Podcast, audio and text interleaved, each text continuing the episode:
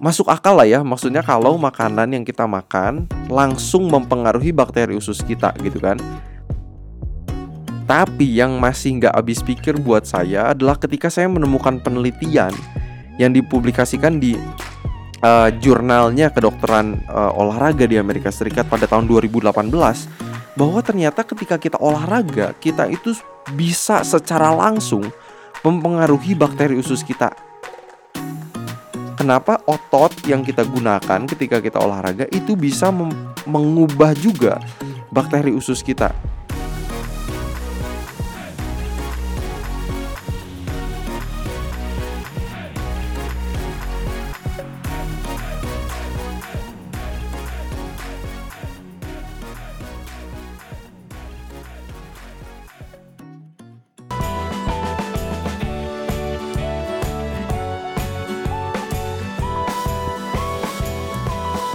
Hai, gue Willy Yonas. Selamat datang di podcast Sehat Seutuhnya. Halo semuanya, selamat datang lagi di podcast Sehat Seutuhnya bersama saya Willy Yonas. Tidak terasa sekali, podcast Sehat Seutuhnya sudah ada satu tahun. Wow, ini adalah episode 53, jadi 52 episode sudah ada di Spotify, di Apple Podcast, di mana pun uh, para pendengar sekalian mendengarkan podcast sehat seutuhnya, saya mau mengucapkan terima kasih, terima kasih banyak. Dalam satu tahun kita bisa mendapatkan 10.000 downloads. Saya sudah sangat bahagia, saya sudah sangat bersyukur bahwa podcast-podcast ini yang saya sudah buat dan juga para narasumber yang sudah saya undang ternyata ada juga yang mendengarkannya dengan setia. Saya mau mengucapkan terima kasih, terima kasih banyak kepada para pendengar yang selalu setia mendengarkan podcast sehat seutuhnya. It means a lot to me. Karena sekali lagi saya punya passion di bidang kesehatan, di bidang pencegahan ya, terutama untuk penyakit-penyakit tidak menular. Karena melihat kakek saya, nenek saya yang kena stroke, serangan jantung, diabetes. Dan saya harap teman-teman semua yang selalu setia mendengarkan podcast sehat seutuhnya tidak akan mendapatkan penyakit-penyakit ini oleh karena gaya hidup kita yang sudah kita terapkan dari sejak hari ini. Ya, sejak dini kita lakukan pola hidup sehat supaya kita bisa sehat seutuhnya. Itu harapan saya. Terima kasih. Teman-teman boleh juga share kepada keluarganya, teman-teman yang lain, share di Instagram story kalian mengenai podcast sehat seutuhnya. That means the world to me. Karena sekali lagi saya akan sangat senang ketika bisa lebih banyak orang lagi yang dipengaruhi untuk hidup sehat. Ya hidup sehat itu keren. Bukannya apa ya? Maksudnya kalau kita berani beda dalam lifestyle kita yang sehat, itu keren gitu. Maksudnya kita bisa menjadi contoh dan inspirasi buat orang lain.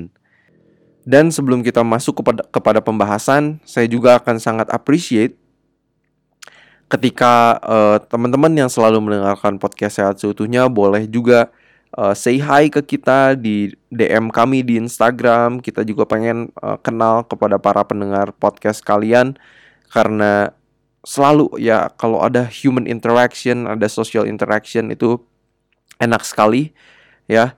Uh, saya pun bisa mendengarkan feedback-feedback atau pertanyaan dari para pendengar sekalian. Thank you banget buat teman-teman yang selalu mendengarkan podcast sehat seutuhnya. Nah, hari ini kita bakal ngomongin hubungan olahraga dengan bakteri usus kita atau exercise and gut microbiome. Ini menarik banget gitu. Mungkin teman-teman yang udah selalu mendengarkan podcast saat seutuhnya bakteri usus, gut microbiome, gut microbiota ini sering sekali udah disebutkan atau dimention di podcast podcast podcast kita. Karena ini tuh sangat menarik gitu bahwa kalau ngomongin gut microbiome, jumlah mereka itu jauh lebih banyak daripada sel tubuh manusia jadi banyak saintis yang mulai berpikir gitu, kita tuh manusia yang mengontrol bakteri-bakteri usus kita atau sebenarnya bakteri usus kita yang mengontrol kesehatan kita gitu. Kayak wow, that is mind blowing gitu kan. Nah, ini yang lebih uh, eh, mind blowing buat saya dan mungkin juga ini bakal mind blowing buat teman-teman sekalian bahwa ternyata olahraga itu bisa mempengaruhi bakteri usus kita. Nah, kalau misalnya di podcast-podcast sebelumnya kan kita ngomonginnya kayak Oh ya, serat itu dapat memperbanyak bakteri usus yang baik sehingga dinding-dinding usus kita itu menjadi rapat-rapat ya, me mengurangi resiko seperti leaky gut dan lain-lain. Dan makanan nabati lah itu jawabannya gitu kan. Serat, serat, serat. Makanan yang paling banyak serat adalah polong-polongan, kacang-kacangan, sayur-sayuran, buah-buahan itulah yang memiliki serat banyak sekali. Dan itu baik sekali untuk kesehatan bakteri usus kita, kesehatan usus kita, dan itu efeknya bisa lebarnya lebar banget, keren banget. Nah, masuk akal lah ya, maksudnya kalau makanan yang kita makan langsung mempengaruhi bakteri usus kita gitu kan. Karena ya makanan yang kita makan kan lewat uh, dari mulut ke, uh, terus ke kerongkongan, terus udah gitu juga ke lambung, ke usus halus, usus besar. Maksudnya masuk akal gitu kalau bakteri usus kita itu langsung terpengaruhi oleh apa yang kita makan. Tapi yang masih nggak habis pikir buat saya adalah ketika saya menemukan penelitian yang dipublikasikan di uh, jurnalnya kedokteran uh, olahraga di Amerika Serikat pada tahun 2018 bahwa ternyata ketika kita olahraga kita itu bisa secara langsung mempengaruhi bakteri usus kita. Wow, kayak gila banget gak sih? Maksudnya keren banget gitu. Tapi yang masih saya nggak ngerti itu adalah kenapa kita menggunakan otot kita, tapi bakteri usus kita itu bisa berubah. Apa hubungannya? Kenapa otot yang kita gunakan ketika kita olahraga itu bisa mengubah juga bakteri usus kita? Ini yang masih uh, saya pelajari terus dan uh, masih belum ada penelitian setahu saya sejauh ini yang menunjukkan kok bisa gitu. Yang kita baru tahu selama ini adalah ketika orang olahraga uh, sebelum dan sesudah uh, kebiasaan olahraga itu dilakukan, ketika bakteri usus mereka dites, ternyata ada perubahan. Perubahannya seperti apa nanti kita akan lihat.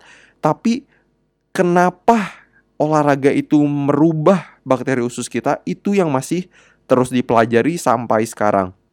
Ya, jadi stay tune tunggu penelitian-penelitian baru yang mungkin akan menemukan pertanyaan-pertanyaan ini gitu. Oke, jadi penelitiannya itu seperti ini ya. Ada 32 orang yang memiliki sedentary lifestyle. Mereka kerjaannya uh, duduk ya, kerja kantoran, nggak olahraga. Ini orang-orang yang sedentary lifestyle. Kalau di Amerika mungkin di bahasa Inggris disebutnya couch potato gitu kan uh, mereka kerjanya duduk, udah pulang kerja, udah nyetir di jalan pun duduk, udah gitu nyampe rumah pengennya duduk di sofa nonton Netflix atau apa pun itulah orang-orang yang sedentary lifestyle. Jadi ada 32 orang yang memiliki sedentary lifestyle tapi grupnya dibagi dua. Karena setengah dari mereka itu langsing tidak kelebihan berat badan tapi setengah lagi itu orang-orang yang kelebihan berat badan dan obesitas mereka pengen lihat ketika mereka diminta untuk berolahraga 6 minggu ya dari yang gak pernah olahraga sekali sama sekali udah gitu mereka olahraga selama 6 minggu terus ada dua minggu istirahat udah gitu mereka disuruh duduk lagi ya. Jangan olahraga untuk 6 minggu lagi. Jadi olahraga 6 minggu istirahat dua minggu tidak olahraga 6 minggu lagi ya pola makan mereka ini dikontrol, sangat dikontrol. Jadi uh, mereka berusaha menghilangkan faktor uh, dari makanan karena kan sekali lagi seperti yang kita sudah pernah bahas dan tadi saya sempat bilang bahwa makanan itu cepat sekali untuk mempengaruhi bakteri-bakteri usus kita. Bahkan banyak penelitian yang menunjukkan bahwa dua dalam 24 jam ketika kita mengkonsumsi makanan-makanan nabati yang tinggi serat, komposisi bakteri usus dalam 24 jam pun sudah berubah berubah ke arah yang lebih baik. Jadi penelitian ini mereka benar-benar pengen lihat efek olahraganya bukan efek dari makanan. Makanya makanannya itu mereka kontrol benar-benar.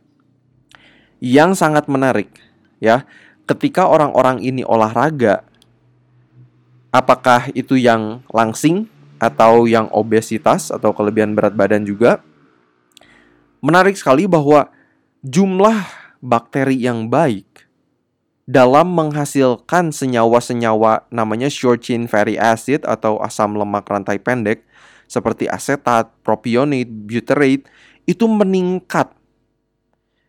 Pada orang yang langsing, atau tidak kelebihan berat badan meningkat secara signifikan ya kepada orang yang obesitas atau kelebihan berat badan meningkat tetapi tidak signifikan. Ini ini cukup menarik gitu. Jadi ketika kita olahraga, bakteri-bakteri usus yang baik itu malahan memproduksi senyawa-senyawa short chain fatty acid ini lebih banyak. Nah, apa fungsinya dari short chain fatty acid ini? Short chain fatty acid ini seperti asetat, propionate, butyrate itulah yang membuat dinding-dinding usus kita itu rapet. Ya, jadi bakteri-bakteri yang tidak sehat yang merusak tubuh kita itu tidak bisa masuk ke dalam darah dan akhirnya menyebabkan peradangan di dalam darah kita, inflamasi. Itulah um, fungsi dari short chain fatty acid ini membuat dinding-dinding usus kita itu tetap rapat. Menarik banget, kita bisa membantu proses itu dengan berolahraga keren gak sih maksudnya kayak wow dengan kita berolahraga bukan hanya dengan makan makanan nabati kita sedang membantu tubuh kita memprotek tubuh kita terhadap penyakit-penyakit ya terhadap peradangan inflamasi itulah yang banyak sekali menyebabkan penyakit-penyakit tidak menular ya, penyakit-penyakit kronis seperti hipertensi, diabetes, penyakit jantung, stroke dan lainnya. Justru ketika olahraga ternyata bakteri usus kita yang baik lebih banyak memproduksi um, short chain fatty acid ini. Sangat menarik dan uh, jumlah bakteri yang baik juga menambah secara signifikan ketika kita berolahraga. Ini yang membuat saya heran dan kagum sekali dengan tubuh kita bahwa ketika kita berolahraga bukan hanya bagus buat jantung, buat paru-paru, buat mencegah Alzheimer, meningkatkan daya tahan tubuh, ternyata bisa juga merubah komposisi bakteri usus kita, membuat bakteri usus kita yang baik menjadi jauh lebih banyak. Keren banget gak sih kayak wow, semoga teman-teman bisa kagum uh, kagum dengan tubuh kita manusia uh, seperti bagaimana saya kagum ketika saya membaca penelitian ini kayak wow, keren banget keren sekali. Tetapi yang cukup menarik yang uh, mereka catat di penelitian ini adalah yang masih banyak pertanyaan yang mereka perlu jawab. Kenapa orang-orang yang sudah kelebihan berat badan ketika mereka berolahraga tidak mengalami peningkatan uh, jumlah dari bakteri-bakteri yang baik um, sebanyak orang-orang yang langsing ini yang cukup unik. Uh, ini sebuah pertanyaan yang masih dipertanyakan di dalam penelitiannya.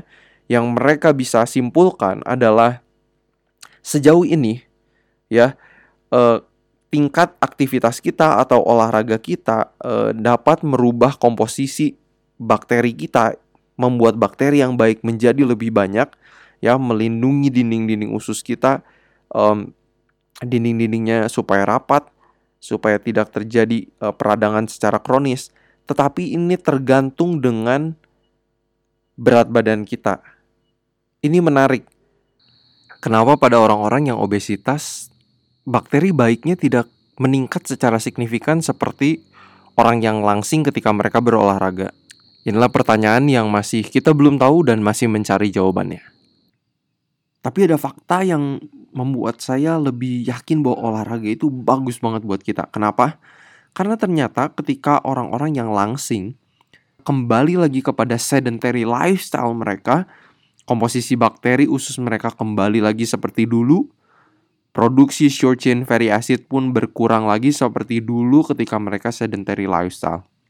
Apa maknanya buat kita? Ini menunjukkan kalau kita itu perlu olahraga rutin ya 5 sampai 7 kali seminggu bukan hanya sekali-sekali mut-mutan. Nanti seminggu ini olahraga, minggu depan enggak. Minggu ini olahraga, minggu depannya enggak. Ya. Karena komposisi bakteri usus kita akan kembali lagi kepada yang dulu ketika kita masih sedentary lifestyle ketimbang ketika kita olahraga secara rutin. Kalau kita olahraga secara rutin, komposisi bakteri usus kita menjadi lebih banyak lagi bakteri usus yang baik lebih banyak lagi, lebih sehat kita, lebih banyak manfaatnya buat tubuh kita. Inilah yang ingin saya bagikan di podcast episode kali ini. Hubungan olahraga dengan bakteri usus kita sangat menarik gitu. Kenapa? Pada orang langsing ketika kita olahraga, bakteri baiknya makin banyak dan manfaatnya pastinya banyak banget untuk kita mem mempererat dinding-dinding usus kita supaya tidak terjadi peradangan ya di dalam pembuluh darah kita yang akhirnya mengarah kepada penyakit tidak menular. Jadi buat teman-teman yang udah dengar podcast kali ini sudah mendapatkan knowledge ini, coba bagiin juga ke teman-teman yang lain, share podcast ini di Instagram story kalian, share ke keluarga kalian di grup WhatsApp atau di mana pun. Semoga semakin banyak orang yang bisa terinspirasi dengan gaya hidup sehat kalian. Ketika kalian mulai olahraga, ketika kalian mulai makan mengarah kepada plant based, ketika kalian juga memperhatikan pola hidup lainnya, kalian bisa sangat menjadi inspirasi buat orang-orang yang kalian cintai. Dan seperti biasa, harapan saya semoga kita sehat seutuhnya.